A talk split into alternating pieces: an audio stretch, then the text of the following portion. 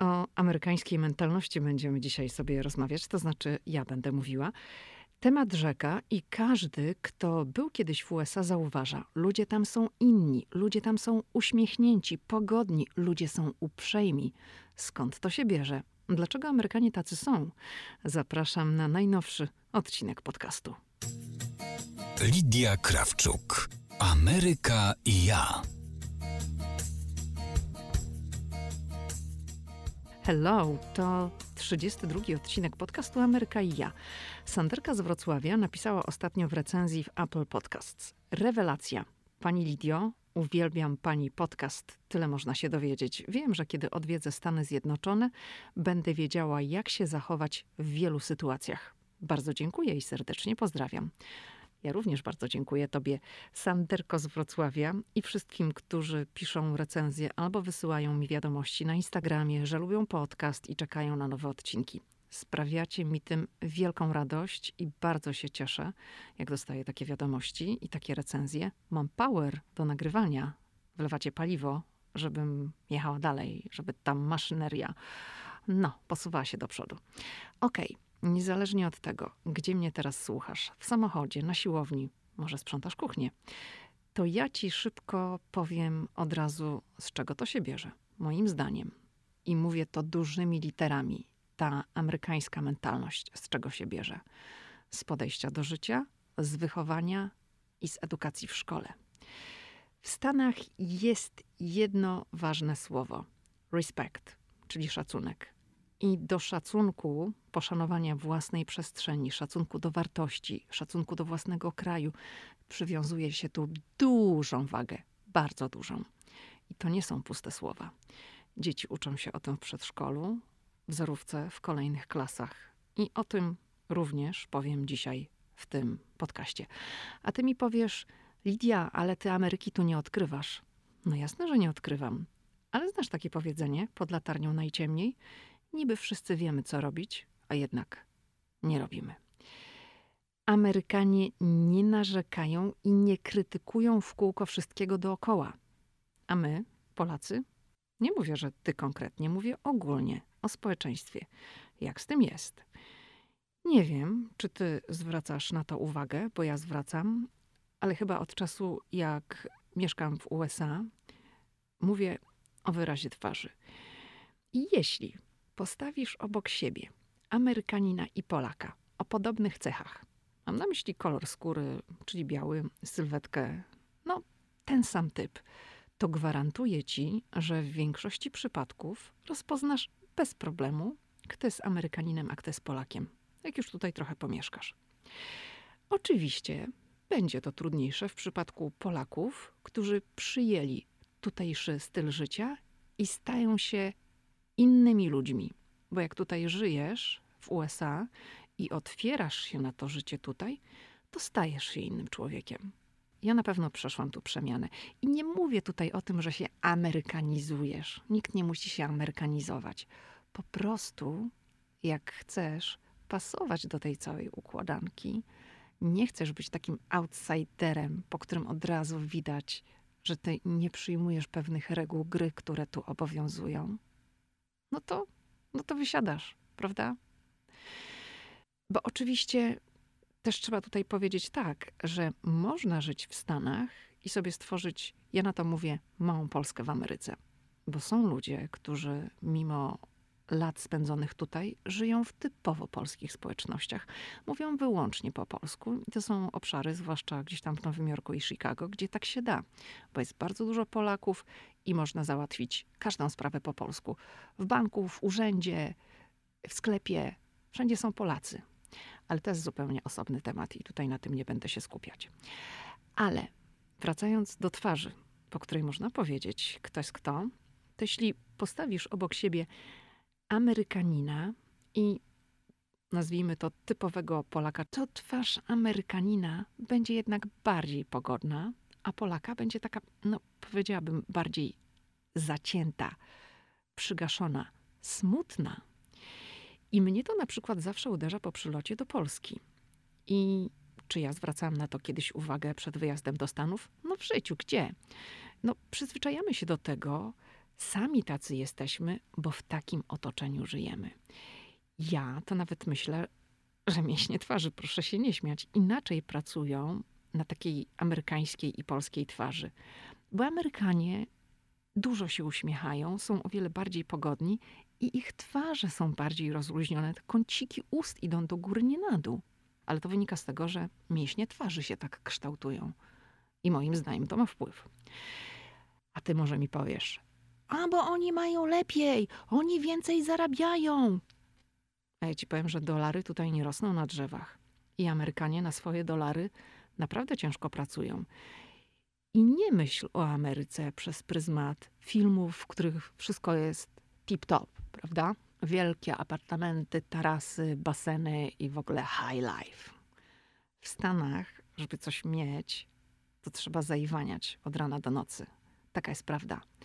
Owszem, tu są inne możliwości, rynek jest większy, ale to nie znaczy, iż życie w Stanach Zjednoczonych jest usłane różami i każdy jest tutaj na ścieżce od zera do milionera. Nie. Ludzie tu, powiem dosadnie, zapierniczają od rana do nocy, często nie biorąc urlopów, mimo że średni urlop w Stanach Zjednoczonych to 11 dni. Tak, 11 dni, nie tak jak w Polsce 26. A mimo to oni z uśmiechem na twarzy. Ja się od jakiegoś czasu interesuję szeroko pojętym samorozwojem, produktywnością, tego typu rzeczami. I Amerykanie to trochę się spierają. Czy rzeczywiście tak jest, że my jesteśmy zlepkiem cech pięciu osób, którymi się otaczamy? Pomyśl od razu o tych pięciu osobach, które są zawsze koło ciebie, najbliżej, z którymi masz kontakt. Czy masz, przejmujesz te cechy od nich, od, od tej piątki? I jedni tutaj w Stanach mówią, że dokładnie tak jest, jesteśmy wypadkową tych pięciu osób, z którymi jesteśmy najbliżej. Inni, że to nie do końca tak. Ale w Polsce też jest przecież takie przysłowie, prawda? Z kim się zadajesz, takim się stajesz. I ja myślę, że jednak coś w tym jest. I skoro w USA przyjęty jest jakiś wzorzec, standard, że jesteś uprzejmy dla innych, nie pchasz się w kolejce, szanujesz cudzą przestrzeń osobistą, uśmiechasz się do mijanych osób na ulicy i to nic nie znaczy, że się uśmiechasz, po prostu się uśmiechasz, to ludzie się tacy stają, bo takie jest otoczenie. A jak przyjeżdżasz do takiego kraju, do Stanów Zjednoczonych i chcesz pasować do tej układanki, nawet jak jesteś tutaj na chwilę, nawet jak to są wakacje w Stanach, to też zaczynasz się tak zachowywać. Nawet jeśli wcześniej pchałeś się do kasy, no bo jakbyś się nie pchał, to by cię inni wysadzili z kolejki. Nawet jeśli stałeś w kolejce dość blisko sobie przed sobą, jakbyś nie stał tak blisko, to zaraz by cię ktoś pytał, a pan to, a pani to stoi w kolejce? No to też tak stajesz, nie? I zostańmy na chwilę przy zakupach w sklepie. Taka scenka. Jesteśmy w amerykańskim supermarkecie, zrobiliśmy duże zakupy. No i spotykamy się przy kasie. Jakiś mężczyzna i ja. Nie znamy się. Albo ty. I mężczyzna mówi tak, proszę bardzo, robi krok w tył. Robi ten krok w tył w momencie, kiedy wspólnie podjeżdżamy wózkami do kasy. I ten mężczyzna jeszcze zachęca ruchem ręki, byś ty pierwszy wyładował, wyładowała swoje zakupy na taśmę. Pan pierwszy. Ja wtedy odpowiadam, no bo on chyba tutaj szybciej trafił ode mnie. Nie, nie, nie, proszę, proszę. Zachęca tutaj mężczyzna i tu nie ma znaczenia. Dałam przykład mężczyzna, ale to może być kobieta. I tak jest w Stanach.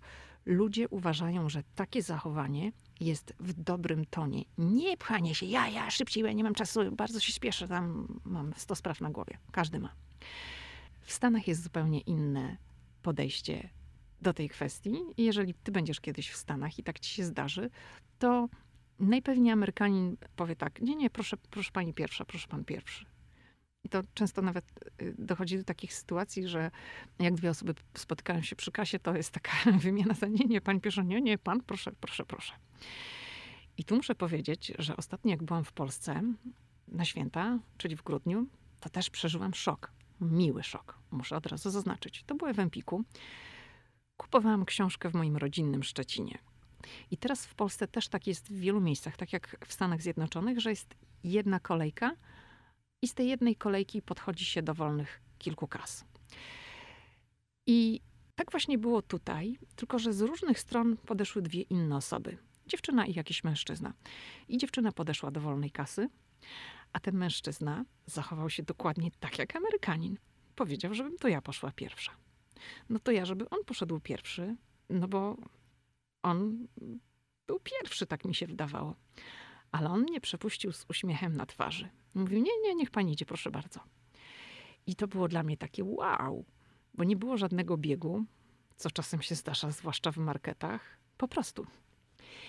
Ja przyjechałam do USA prawie 11 lat temu, ale jestem w Polsce regularnie, dwa razy w roku. Ja wiem, co się w Polsce dzieje. Widzę, jak Polska się zmienia. I nie jestem oderwana od rzeczywistości, jak ktoś, kto wyjechał do Stanów 20-30 lat temu i w Polsce od tego czasu nie był, albo był raz i to wiele lat temu i nie ma pojęcia, jak Polska w tej chwili wygląda, bo takich osób tutaj w Stanach jest sporo.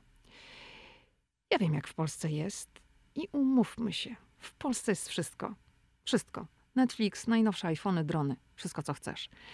W Polsce natomiast niestety brakuje często życzliwości i to jest skutek tej mentalności, nawyków, których uczymy się od małego. Brakuje doceniania pewnych, nawet małych rzeczy. Ale to też zauważam, że w Polsce się zmienia. Ludzie podróżują po świecie, widzą, że można inaczej i że nie trzeba od razu tak spod byka, że jak się jest uprzejmym, to wszystkim żyje się lepiej. No ale w Stanach ta uprzejmość, ta życzliwość są o wiele bardziej widoczne niż w Polsce. W Polsce jest po prostu nierówno pod tym względem. Nie chcę traktować wszystkich jedną miarą, ale mówię tak ogólnie, jak porównamy. Takie pierwsze wrażenie, jak gdzieś tam się wejdzie tu i w Stanach, no to pod tym względem Stany, no to każdy przyzna, kto tutaj był, to tego się nie da porównać. I chciałabym, żebyśmy zatrzymali się na chwilę przy uczeniu się tego typu nawyków od małego. Dlaczego? Ponieważ ja to widzę po moim synu, który ma prawie 7 lat i który na przykład potrafi powiedzieć po fajnie spędzonym dniu, że gdzieś pojedziemy, robimy rzeczy, które no, z jego punktu widzenia są atrakcyjne, i on mówi, jak to dziecko, które jest zanurzone w dwóch językach: Mamo, to był the best day ever. No, chciałabym powiedzieć i chwalić się moimi sukcesami rodzicielskimi, że to ja go tego nauczyłam. Tego akurat nie ja go nauczyłam, ale mimo, że nie ja, to to jest właśnie kwestia tego całego środowiska, w którym on dorasta, szkoły, otoczenia, ludzi, którzy stają na jego drodze, że potrafi się cieszyć, potrafi o tym powiedzieć i to docenić. I na kwestię rozwoju emocjonalnego tu się zwraca uwagę w szkole. Dziś o tym nie będę mówiła, bo planuję zrobić podcast, który będzie poświęcony amerykańskiej szkole. Ale teraz przy okazji mogę wspomnieć, że na przykład amerykańskie czterolatki uczą się już na tym etapie występować przed klasą, czyli to jest jakaś forma nauki wystąpień publicznych. No mają tą swoją publiczność rówieśników ze swojej grupy przedszkolnej. I mają na przykład takie prezentacje, to jest i, i gdzieś tam w przedszkolu, i w szkole, która nazywa się show and tell, czyli przynoszą z domu jakąś swoją rzecz, którą lubią. No, może być maskotka, może być książeczka, może być jakaś fotografia, no co, co tam dzieci lubią. Pokazują to w klasie, w tej swojej grupie i opowiadają o tej rzeczy innym dzieciom.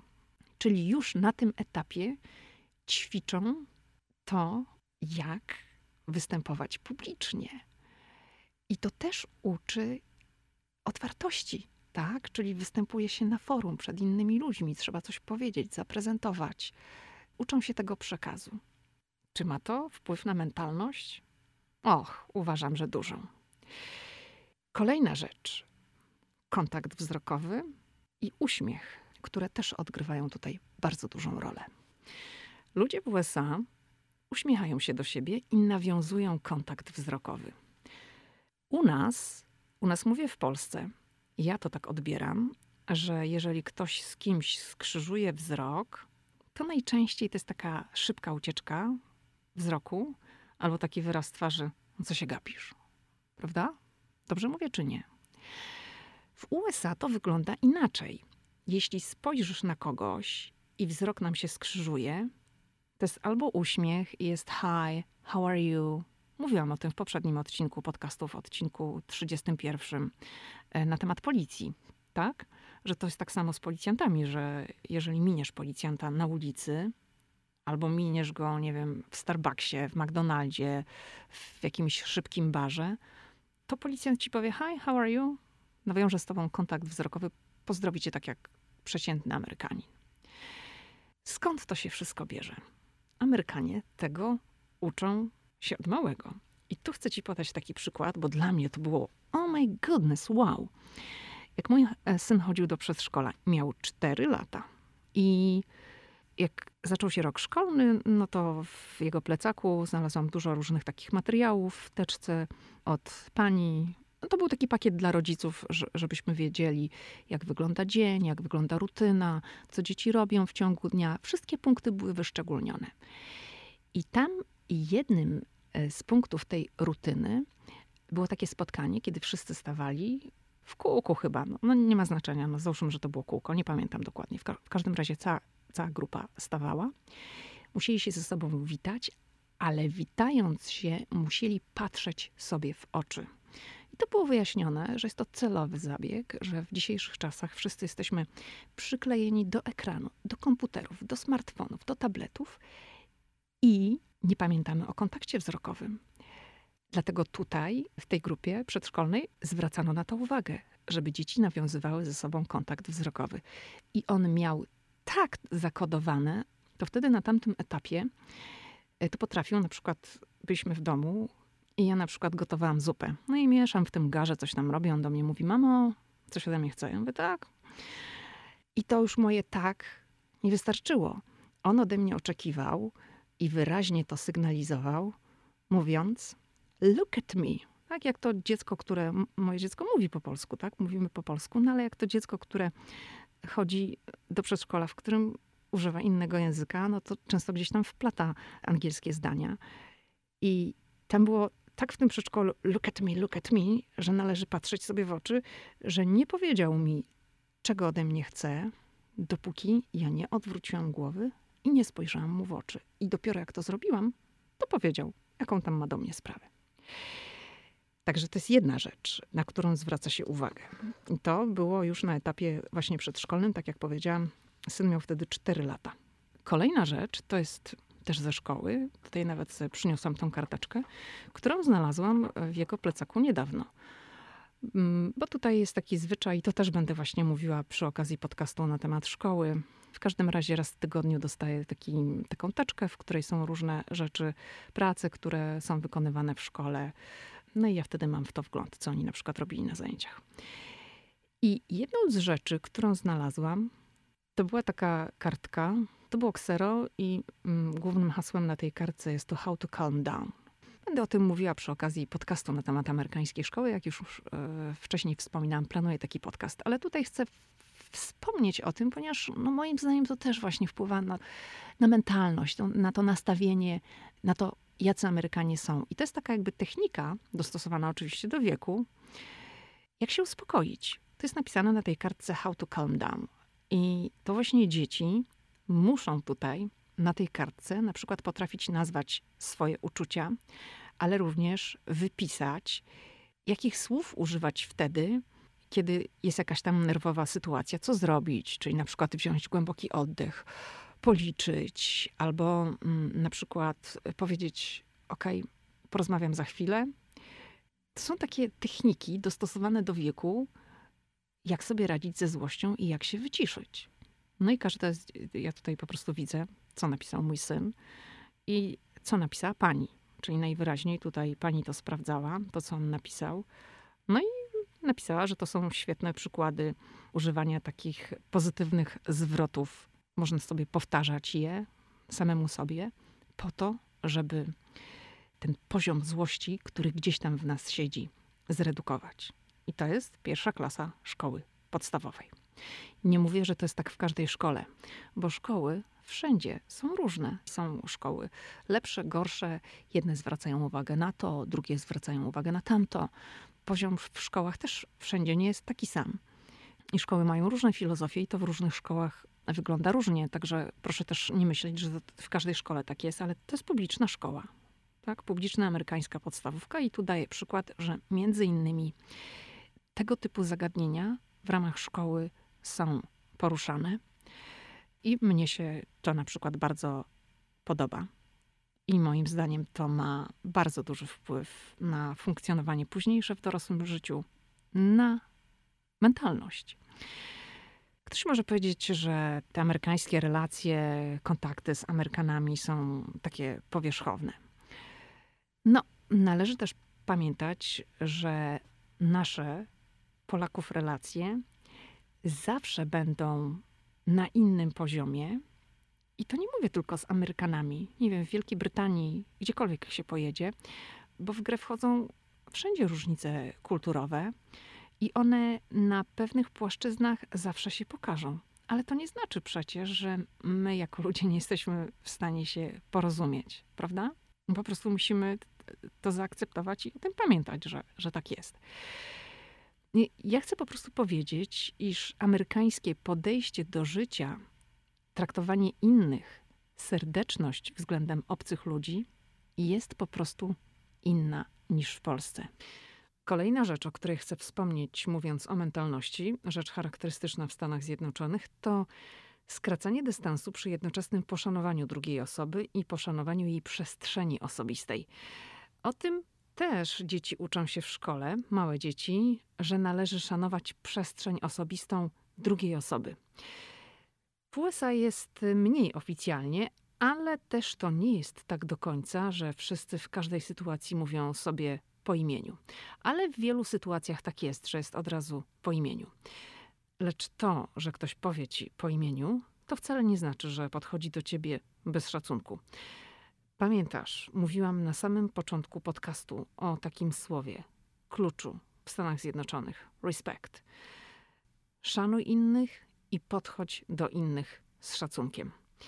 Dam ci taki przykład. W USA komunikacja opiera się w tej chwili w bardzo dużej mierze o maile. O, myślę, że wszędzie tak jest już, a zwłaszcza w korporacyjnym świecie maile są podstawą. W każdym razie, jeżeli ja czegoś tutaj potrzebuję, jakiejś informacji, potrzebuję jakichś materiałów, chcę się gdzieś umówić, na przykład, żeby przygotować jakiś materiał do radia, to wysyłam maila. I znajduję oczywiście w internecie kontakt do działu komunikacji i wysyłam. I bardzo szybko, często dostaję odpowiedź, czasem to trwa kilka godzin, ale ta odpowiedź przychodzi. I najczęściej, jak przychodzi ta odpowiedź, to ktoś rozpoczyna od takiego sformułowania hello Lydia albo hi Lydia, czyli zwraca się do mnie po imieniu. Odpowiada na moje pytanie, dziękując przy okazji, że się skontaktowałam. To zawsze tutaj jest taka formułka, że dziękuję, że się skontaktowałaś. I ta osoba, od której przychodzi ta odpowiedź, też się podpisuje swoim imieniem, na przykład Stefani. Zresztą ja w Stanach Zjednoczonych pisząc maila i prosząc na przykład o umówienie jakiegoś spotkania, czy potrzebuję jakiejś informacji, to też podpisuję się swoim imieniem. I oczywiście mówię tutaj o tym, jeżeli to jest mail służbowy, bo w służbowym mailu jest przecież stopka z imieniem, nazwiskiem i z odpowiednim opisem. Z kolei, jak piszę maile gdzieś do Polski, to podpisuję się imieniem i nazwiskiem, ponieważ widzę, że taka jest konwencja. I czy to jest dobrze, czy to jest źle? No nie chciałabym tutaj tego porównywać, tylko mówię, że jest jakby inny styl, nawet styl komunikacji. I to jest też moim zdaniem ta różnica w mentalności, że tutaj bardzo często od razu ktoś ci mówi po imieniu, ale to też nie oznacza, że, że jeśli mówić po imieniu, to nie odnosi się do ciebie z szacunkiem. I jeszcze jak ja na przykład odpisuję tej osobie, która dała mi odpowiedź, załóżmy, że to będzie wspomniana Stefani, to jak już piszę do niej kolejną wiadomość, to już też piszę Hi Stefani. Chociaż nie znamy się przecież, prawda? To jest. Ona mi napisała dopiero pierwszy mail, a ja jej odpisuję i też już piszę Hi Stefani. I potem, jeżeli się spotykamy w realu z tą osobą, z którą wymieniam maile, to jest tak, że Amerykanie reagują później entuzjastycznie. Nie znamy się, tak? Znamy się tylko z maili, które tam wymieniliśmy, ale jak poznajemy się osobiście, to jest od razu jakoś tak miło i sympatycznie. Ktoś cię wita z szerokim uśmiechem i mówi i słyszysz coś takiego: O, hi Lydia, nice to meet you. I od razu wszyscy mają inne nastawienie. No, przyzna, że tak jest sympatyczniej, tak łatwiej się funkcjonuje w takim otoczeniu, prawda? Już jakby na poziomie tych maili nawiązuje się jakieś takie, powiedziałabym, takie drobniutkie relacje, że jak dochodzi do tego spotkania oko w oko, to już jest od razu inaczej. Ktoś cię pamięta, ktoś cię kojarzy i, i cię fajnie przywita. I ty możesz sobie powiedzieć, no dobra, Lidia, tam w mediach to są inne zasady. No myślę, że to nie tak do końca. Jasne, że gdzieś tam na, na pewnych płaszczyznach może to inaczej wygląda, ale nawet jeżeli ja załatwiam jakąś sprawę, załóżmy piszę maila do Amazona, bo nie wiem, coś jest tam z moją przesyłką, albo chcę coś zwrócić, a system mi szwankuje, no coś tam się dzieje i, i muszę wysłać maila, e, żeby poprosić o wsparcie mm, biuro obsługi klienta. Jak już napiszę tego maila, to jak ktoś mi odpisuje, to jest też, zaczyna się od hello Lydia albo hi Lydia. I też nikt nie pisze do mnie good morning Mrs. Krawczuk, tylko po prostu hi Lydia i, i dalej odpisuje mi na tę wiadomość, którą ja wysłałam. Czyli jest po prostu też mniej oficjalnie, co nie oznacza, że ta osoba, do której napisałam, podchodzi do mnie bez szacunku, bo stara mi się pomóc rozwiązać mój problem, ale nie musi do mnie pisać good morning Mrs. Krawczuk, tylko wystarczy, że napisze hi Lydia i, i tyle. I jak się zastanawiałam, o czym w tym odcinku powiedzieć w kontekście mentalności, to uznałam, że powinnam poruszyć również wątek podejścia do żałoby, i to w takiej płaszczyźnie przeżywania tej żałoby publicznie. Dlaczego? Mm, ponieważ na przestrzeni tej ponad dekady bardzo mnie to uderzyło. I może w ogóle zacznę od tego, że teraz niedawno, jak wiemy, Kobe Bryant, słynny amerykański koszykarz, zginął w wypadku helikoptera. Tam zginęła też jego 13-letnia córka i kilka innych osób, które znajdowały się na pokładzie.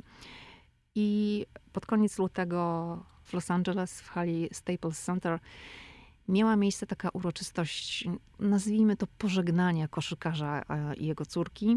To znaczy, to było takie symboliczne, dlatego że oni zostali pochowani kilka dni wcześniej. E, to była prywatna ceremonia, natomiast tutaj tę ceremonię e, zorganizowano w tej hali, w której mieści się chyba kilkanaście albo nawet więcej tysięcy osób.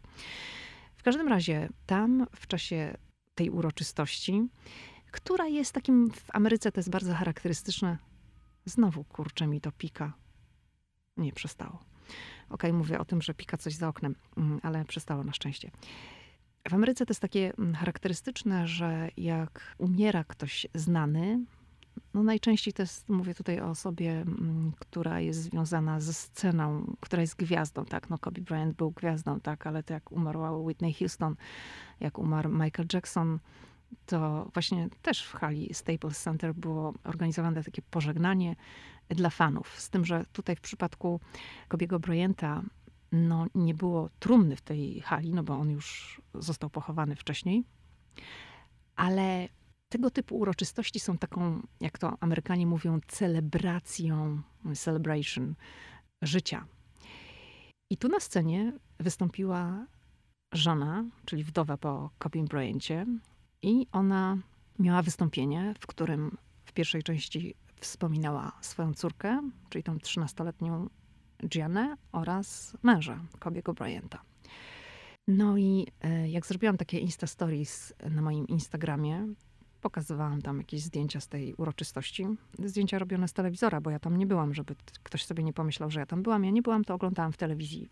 I dostawałam takie wiadomości od ludzi. O matko, ja bym tak nie mogła. Ile ona musi mieć siły, że ona staje tam przed tym tłumem iluś tysięcy ludzi i, i opowiada tak o swojej córce i o swoim mężu.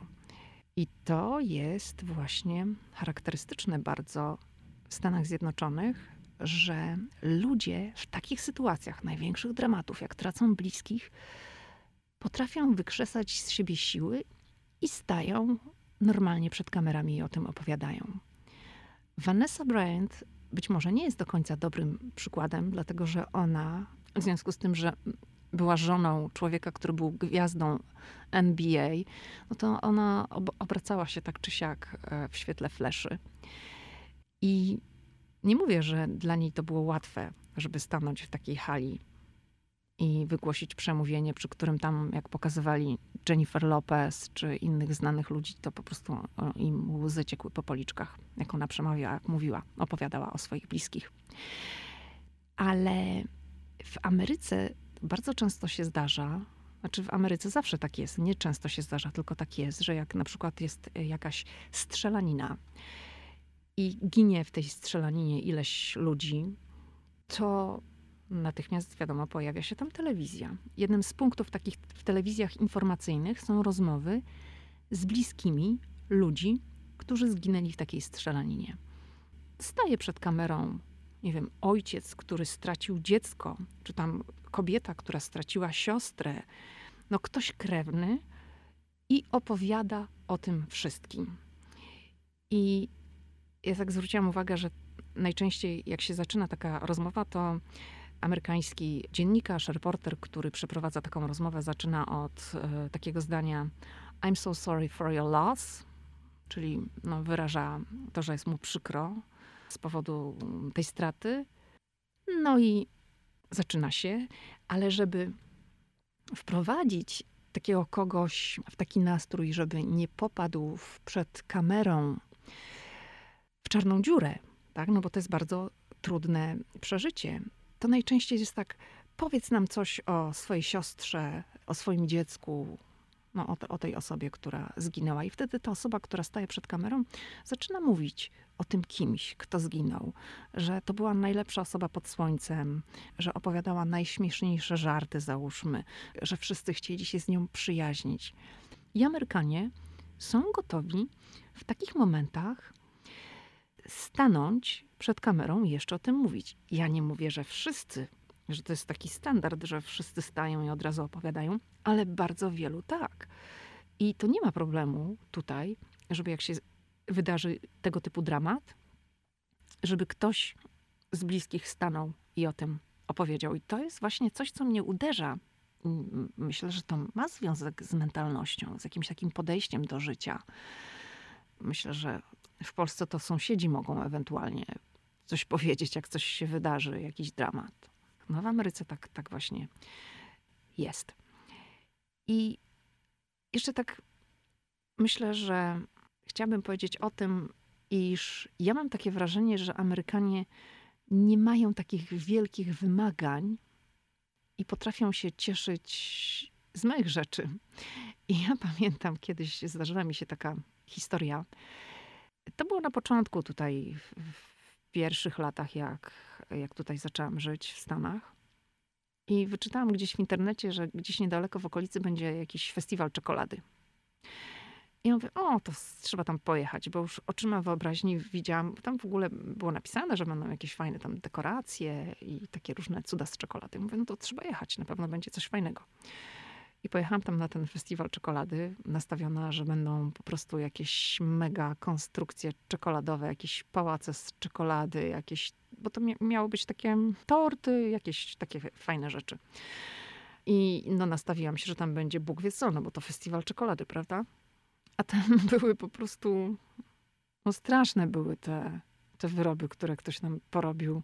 Jakieś takie no to nie było nic fajnego. No, każdy z nas by takie coś zrobił. To jak myślisz o festiwalu czekolady, to się spodziewasz, że to będzie jakiś kunszt, że to będą takie rzeczy, że ci oczy wyjdą z orbit. Że ty samodzielnie takiego czegoś nie zrobisz, bo nie masz takich umiejętności. No chyba, że tam się bawisz, tak, i, trenujesz po godzinach i lubisz tam takie bajery z czekolady robić. Masz zdolności plastyczne.